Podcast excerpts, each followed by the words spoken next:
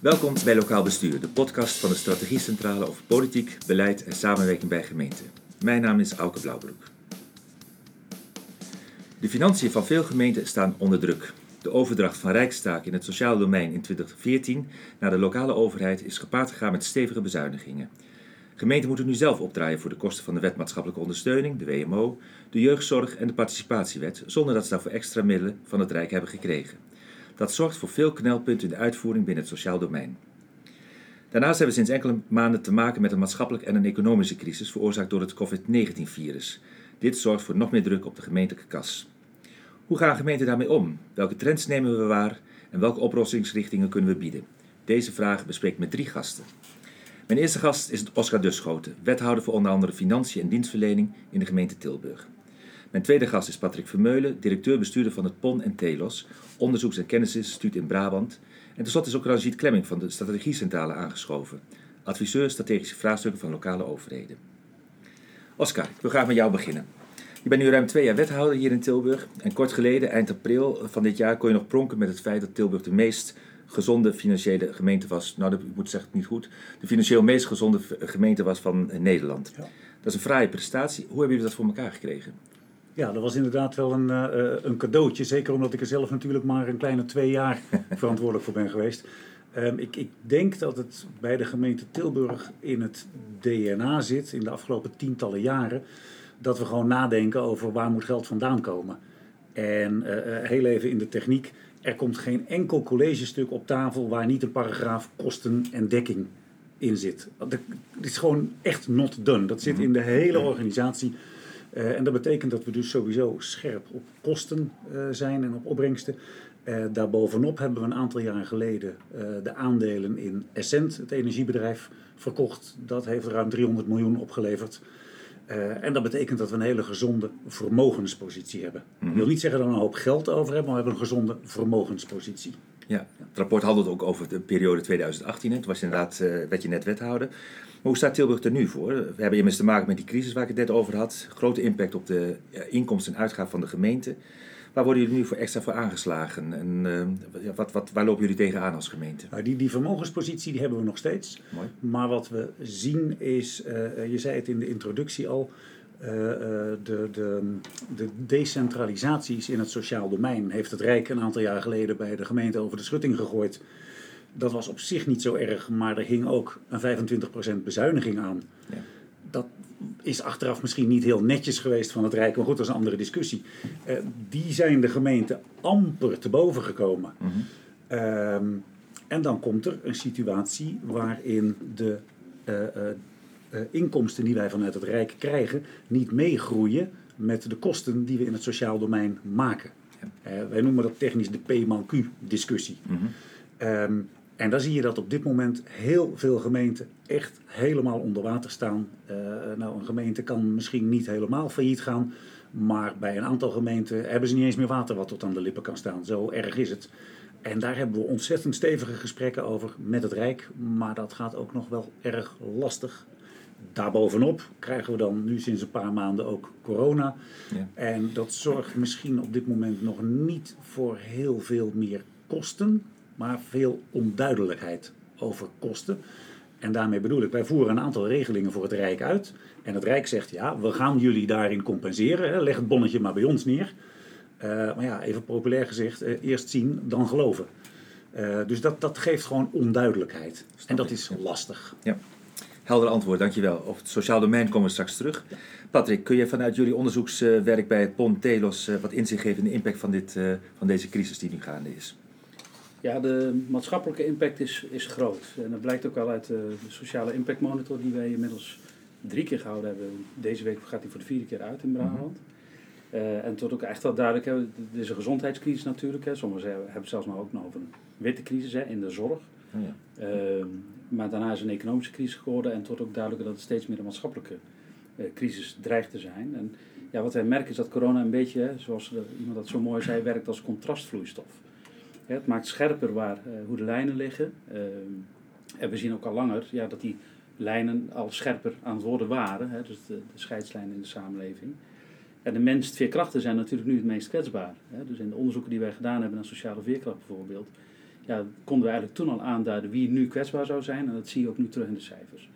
En dat is heel divers. Mhm. Dus dat gaat van, van ja, de eenzame ouderen die nu aan het worstelen zijn met hoe ga ik met deze periode om. Maar ook jongeren die nu op de arbeidsmarkt komen. Ja, vind maar eens werk hè, de komende maanden. Dat is echt wel een, een probleem, ook voor de langere termijn, denk ik. Eh, slachtoffers van huiselijk geweld, ZZP'ers, mensen met nulurencontracten. Hè, dus ook die hele arbeidsmarkt.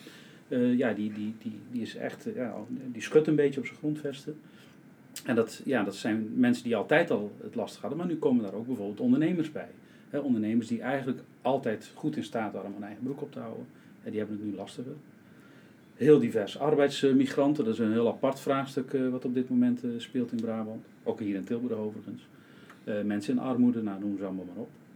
Ehm, nou ja, Oscar zei het al een beetje. Het risico is natuurlijk dat alles wat je opgebouwd hebt nu gevaar gaat lopen. Ja. Het is ook niet voor niks hè, dat de burgemeester van, van 15 grote steden nu ook, ook extra hebben aangeklopt eh, bij het Rijk.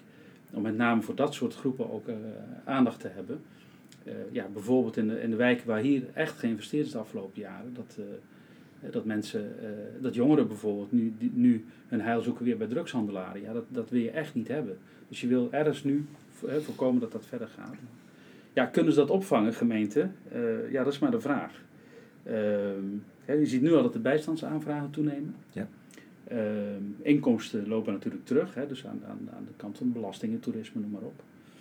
Eh, en maar op langere termijn ja, kun je eigenlijk ook gif op innemen dat, dat nieuwe vragen naar boven komen. Hè. Bijvoorbeeld de vraag naar sociale woningen. Dat, de kans dat dat gaat stijgen is gewoon reëel. En veel gemeenten verwachten dus ook eh, financiële problemen. Ja. Waarbij er overigens wel regionale verschillen zijn. Het is niet zo dat de complete economie onderuit gaat. Nee. Eh, we zijn als Tilburg natuurlijk heel sterk in de logistiek. Zeker. Nou, wat is er de afgelopen maanden Ja. booming geweest? Ja. Eh, de pakjesbusiness. Het is heel, heel, heel raar. Ja. En dat vraagt dus heel goed bestuderen van wat is er nou in welke sector Ja, aan de hand en wat zou dan de juiste impuls kunnen zijn. Dat, Ja. dat maakt het heel Ja. boeiend, maar ook wel lastig. Ja, je, geeft eigenlijk al aan, het is niet overal hetzelfde. Kun jij daar eens een beeld bij geven, Rajit? Want je hebt een goed overzicht van hoe het in Brabant staat. Met name in Midden-Brabant ben je goed bekend. Kun je een beeld geven hoe gemeenten zich, daar, zich manifesteren in deze crisis? eh? Ja, het was natuurlijk eigenlijk een bijzondere situatie voor de coronacrisis dat eh, het eh, economisch heel erg goed ging in Nederland. Eh werkloosheid daalde, bedrijven maakten winst, eh, de rijksfinanciën zagen er goed uit. En gemeenten hadden eigenlijk een ander plaatje, toen al. Mhm. Dus dat was al voor de coronacrisis. Er waren veel gemeenten die eh, voornamelijk vanuit het sociaal domein op tekorten eh afstevenen. Eh, en dat is eigenlijk natuurlijk raar, dat het economisch goed gaat en de rijksfinanciën op orde zijn, maar gemeenten eigenlijk wel in de problemen kwamen, financieel gezien. En nou komt de coronacrisis eh eroverheen. We hadden natuurlijk ook wel de stikstofcrisis trouwens. Hè. Dat moet je niet vergeten voor gemeenten, ook heel belangrijk voor een ontwikkeling. Eh, en dan komt de coronacrisis. Ja, dan zie je eigenlijk dat eh, die tekorten in het sociaal domein waarschijnlijk zullen oplopen. Nog misschien wel versterkt worden. Dus even afwachten hoe wat het effect precies is van de coronacrisis. Maar er zullen waarschijnlijk nog wel versterkt worden, die tekorten in het sociaal domein. En tegelijkertijd ontstaan er op andere bedrijfsvelden tekorten of eh, eh, eh, inkomsten die niet binnenkomen. Dus dat versterkt wel eh, eh, de financiële crisis bij, bij gemeenten. Je ziet dat ook eh, in Brabant, hè, met een aantal gemeenten die, eh, eh, die er echt eh, een moeilijke situatie zitten. Berg op Zoom, Dongen, Heusden bijvoorbeeld. Maar bijna alle gemeenten, grosso modo, zie je tekorten in het sociaal domein. Minder inkomsten en daar ook tekorten op andere beleidsvelden. En de vraag is even, en Oscar zei dat al, hoe goed de gemeenten dat kunnen opvangen. Wat ze ook van, vanuit de Rijksoverheid aan compensatie kunnen krijgen. Maar los even van de gemeentelijke financiën. Eh, we kijken ook naar de ontwikkelkracht van een gemeente. En die, is natuurlijk meer dan alleen maar de, het eh huishoudboekje van de gemeente zelf. Eh, en dan zijn er inderdaad regionale verschillen. Sommige gemeenten zaten al zwaarder in de problemen. En niet alleen financieel, maar ook in de ontwikkelkracht, de vergrijzing. Een aantal uitdagingen die Patrick al noemde bijvoorbeeld. Andere gemeenten hebben gewoon een betere uitgangspositie. Dus het is niet alleen een financieel vraagstuk. Maar het zou zomaar kunnen zijn dat een aantal gemeenten, allemaal getroffen, ja. Maar het zou zomaar kunnen zijn dat een aantal gemeenten eh, veel makkelijker, sneller een herstel laten zien. En een aantal gemeenten eh toch echt gaan afhaken. En dat is denk ik ook wel echt wel eh, een interessant eh, eh, te zien in Brabant. En ook wel een beetje een politieke vraag. Van wat accepteer je dan met elkaar?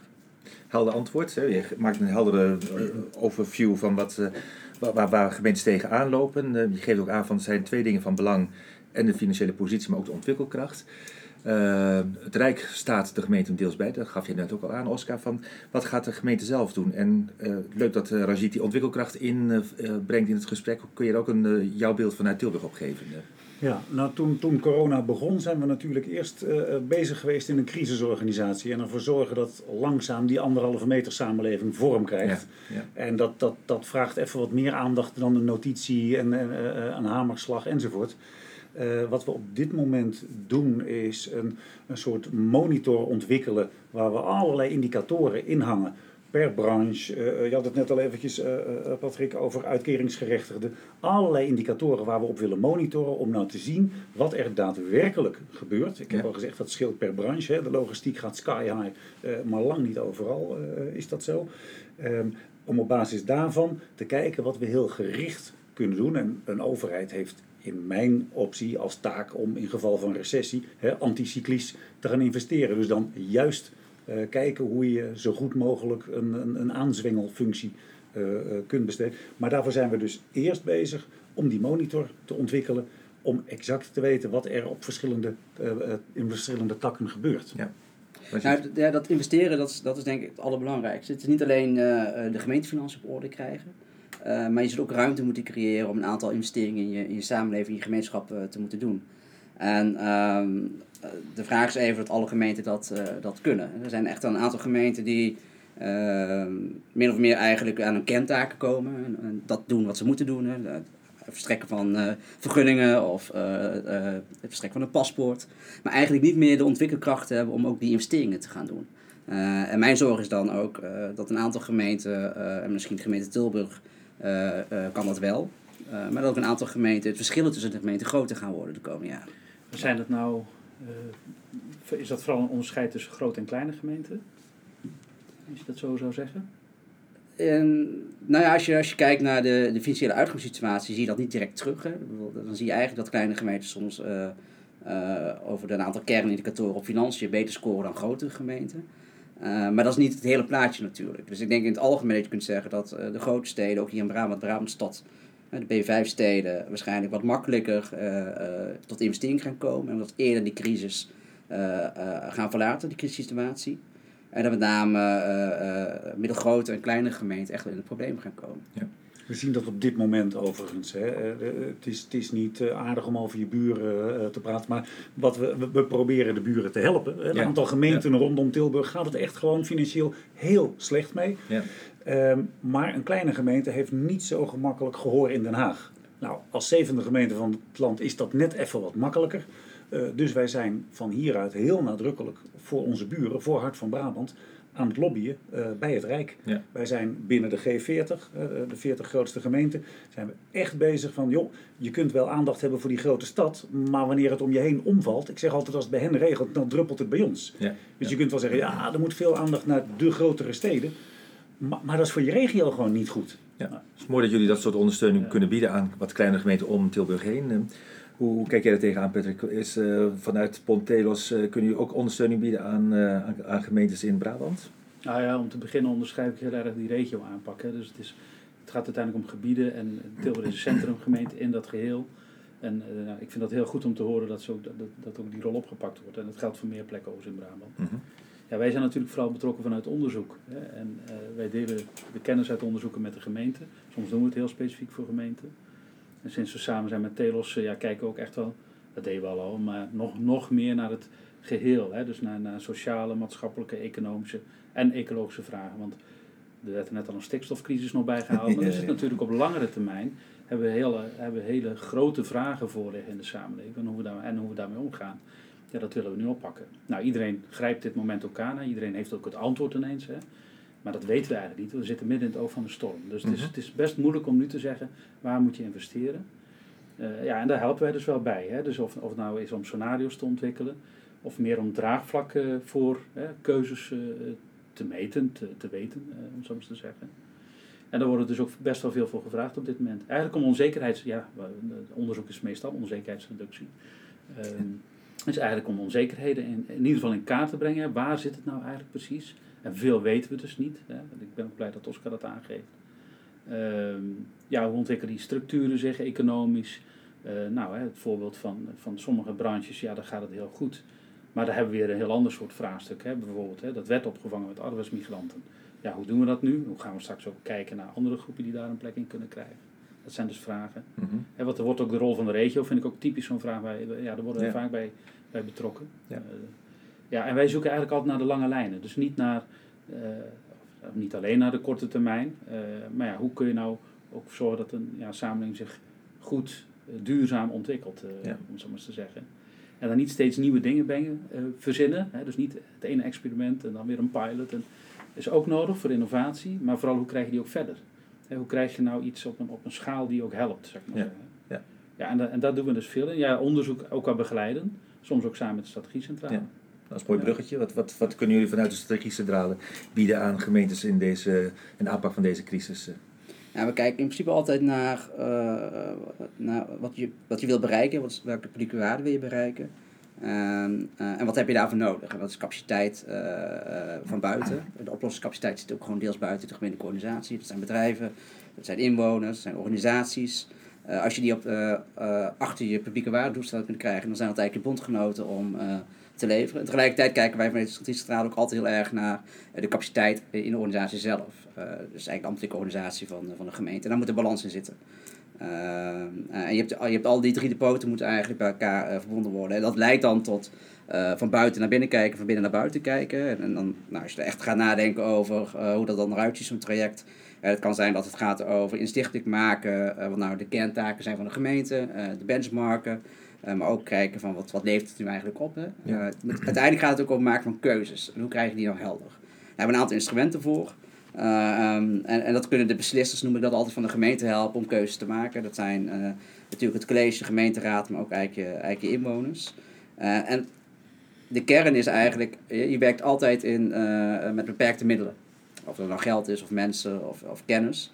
Eh, en je hebt eh, een enorme bak aan ambities waarschijnlijk, bestuurlijke ambities. En dat kan niet allemaal. Nee. Eh, en voor heel veel kleine gemeenten, middelgrote gemeenten, eh, kan het bijna niet meer. En dat betekent dat er ook vanuit bestuur heel erg eh, duidelijke keuze moet worden gemaakt. Wat nemen we nu wel, wat past ook bij, eh, bij, eh, bij, bij de gemeente. En hoe hangt het ook samen eh, met eh, gemeenten in de regio bijvoorbeeld. Hè? Dus je hoeft niet alles te kunnen als gemeente. Eh, een aantal gemeenten zijn heel erg goed in, eh, eh, in de logistiek bijvoorbeeld. eh, Tilburg, Waalwijk, eh zijn daar twee voorbeelden van in Midden-Brabant. Anderen zitten meer op recreatie. En dat moet met elkaar in één systeem worden bekeken. Eh, en dat soort trajecten kunnen wij eh, kunnen ontwikkelen. Ik denk dat daar eh, deels ook wel de oplossingen zitten. Maar ook wel een beetje de pijn. Ja. Want keuze maken betekent ook dat je aan te zeggen... ja, dat gaan we niet doen. Of dat gaan we minder goed doen dan de buren. En dat is wel spannend. Ja, zeker. Dankjewel. Ik wil het thema wat meer gaan toespitsen naar het sociaal domein. We hebben daar al een paar keer over gesproken, zo half in het gesprek. Ehm, de Rijksoverheid komt de gemeente daarin wat tegemoet. In de meicirculaire heeft het kabinet 90 miljoen uitgetrokken voor de uitvoering van de sociale werkvoorziening. En nog eens 144 miljoen voor de uitvoering van de WMO en de jeugdzorg. Daarmee wordt de uitvoering van het sociaal domein wat ondersteund. Ik zeg bewust wat, want het is natuurlijk, ik weet niet hoe jij er tegenaan kijkt, Oscar, maar het lijkt mij een, een druppel op de gloeiende plaat. Maar daarnaast geeft het kabinet ook aan van nou, we willen eigenlijk wat meer extra zekerheid bieden. Door in ieder geval het gemeentelijke accret eh, vast te leggen, zowel voor 2020 als 2021. Eh, met andere woorden, de, de, uit, of de uitgave van het Rijk aan de gemeentes wordt, vast, eh, wordt vastgelegd. En daarmee bied je ook wat zekerheid. biedt de gemeente Tilburg dat wat soelaas, Oscar? Ja, het enige goede antwoord is jee. Kijk, voor, voor, vooropgesteld, vooropgesteld ieder miljoen wat er komt is, is welkom. Hè? Ja, dus die berichten in de mei-circulaire, hartstikke prima. Biedt het bevriezen van eh, het accret eh soelaas? Nee. Want het niveau is gewoon te laag. Ja. Het biedt wel duidelijkheid. Ja. Maar ja, op het moment dat je tegen je kinderen zegt... joh, je zakgeld wordt gehalveerd... ja, dat biedt ook duidelijkheid. Maar dat is niet het verhaal waar ze op zitten te wachten. Het, het grote probleem, en ik wil, ik wil proberen om dat zo min mogelijk technisch te Ja, maken... graag. Eh, het grote probleem vanuit gemeentelijk perspectief is dat het gemeentefonds als geheel te klein is. Er gaat gewoon te weinig geld naar gemeenten. In dat accountantsrapport waar wij eh, een veer kregen, werd Mhm. overigens gezegd: het gemeentefonds is sowieso minimaal een miljard te klein. Ja. Nou, dat valt aardig te verklaren, want het kabinet heeft ooit gezegd: gemeenten moeten groter gaan worden, die moeten gaan fuseren, overnemen enzovoort.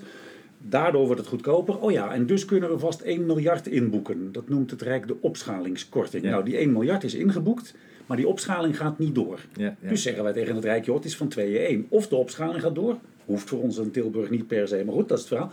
Of je stopt met die opschalingskorting. Dus dat is weer een miljard. Nou, ehm, De omvang van het gemeentefonds is dus niet goed. Mhm.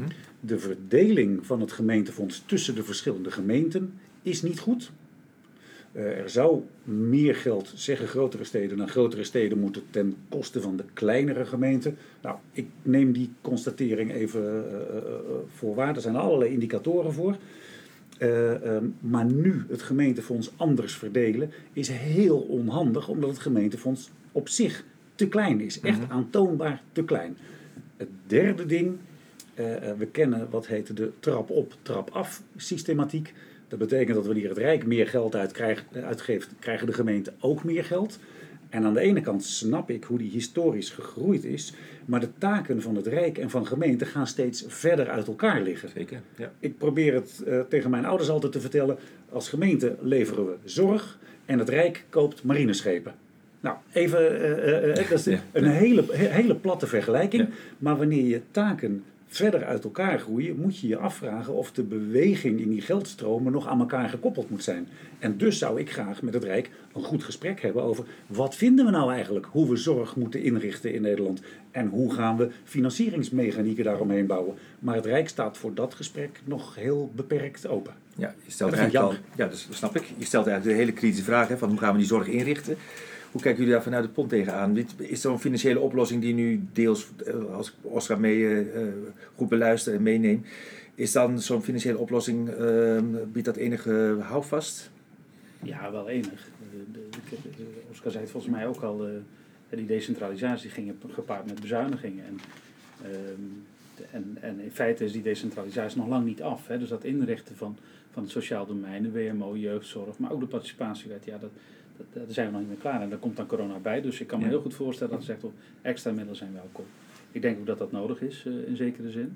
Maar het is niet het ene. Het gaat ook om het beter organiseren, want eh, je- iedereen is er eigenlijk van overtuigd dat die zorg ook echt bij die gemeente hoort. Hè. Dus ja, de gemeente hoeven geen marineschepen te kopen, zijn verantwoordelijk voor wat er hè, voor hun inwoners eh, gebeurt. Ehm, en dat moet je dan goed zien te organiseren. En daar is men nog ontzettend zoekend in. En je ziet vooral bij kleinere ge- gemeenten dat ze dan zoeken naar regionale samenwerkingsverbanden. Het kan niet op de eigen schaal, dus gaan we het samen doen.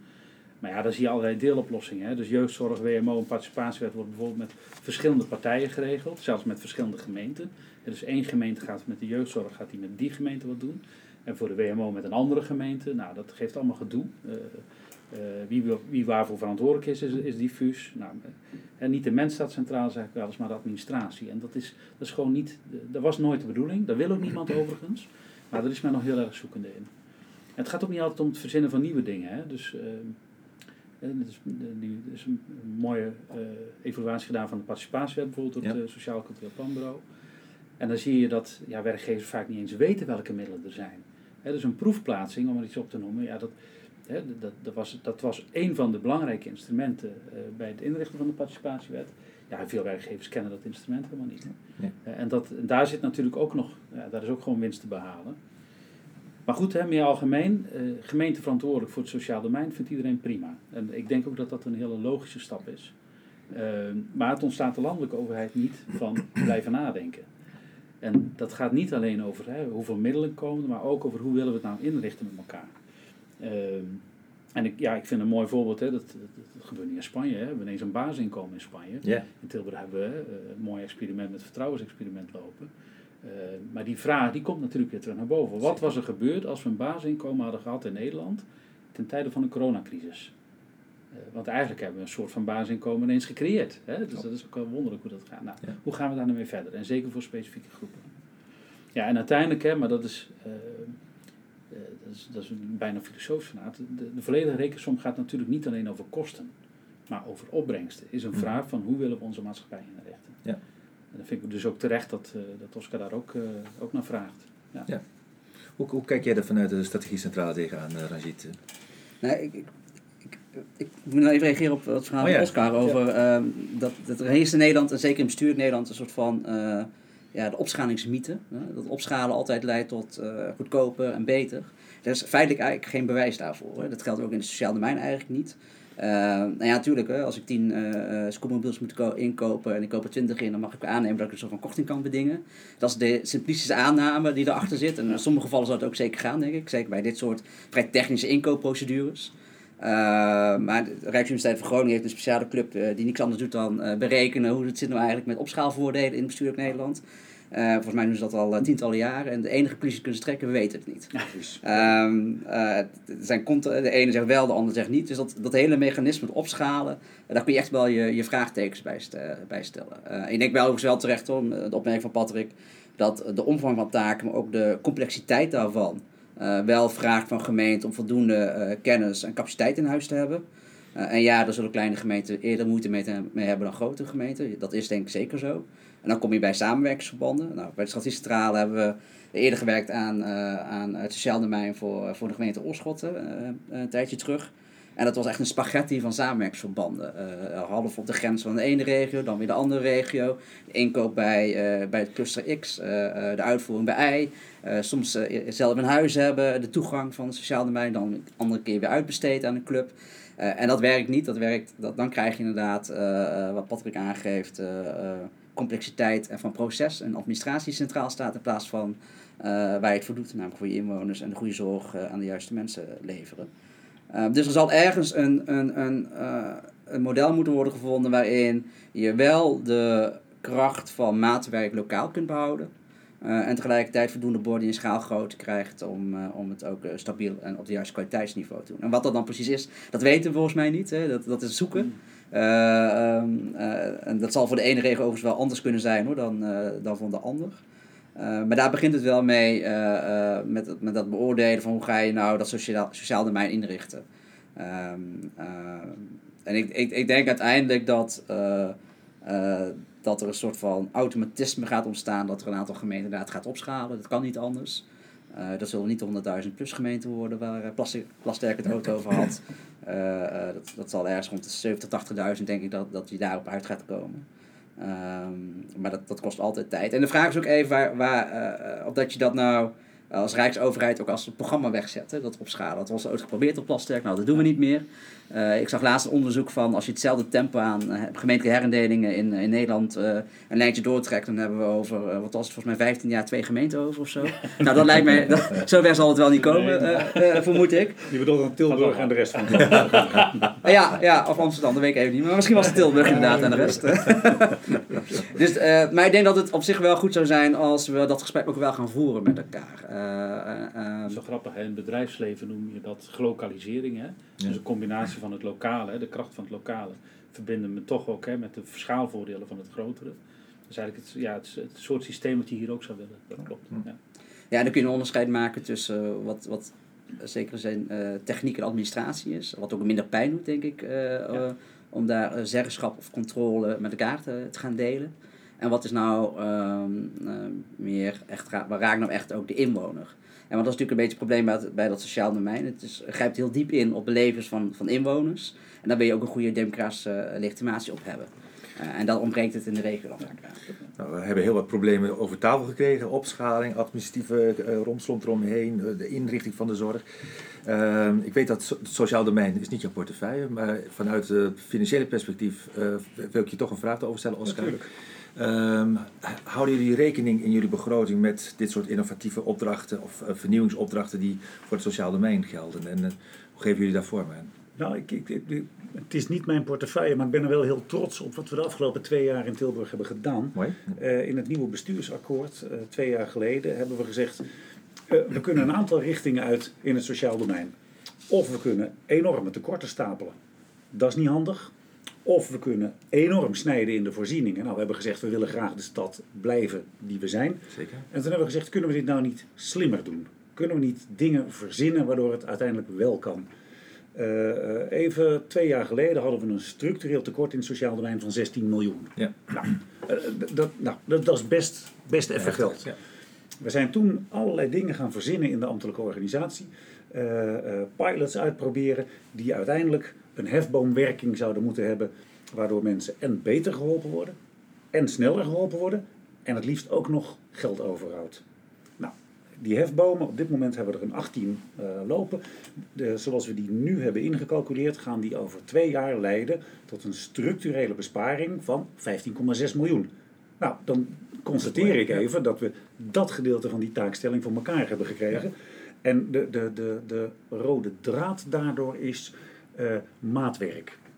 En we zeggen letterlijk tegen mensen aan de keukentafel, even heel plat, het maakt me niet uit waar je recht op hebt. Ik wil weten waarmee je geholpen bent. Ja. Want we zijn natuurlijk, Patrick heeft het net gezegd, we hebben Nederland ongelooflijk complex gemaakt met allerhande regelingen.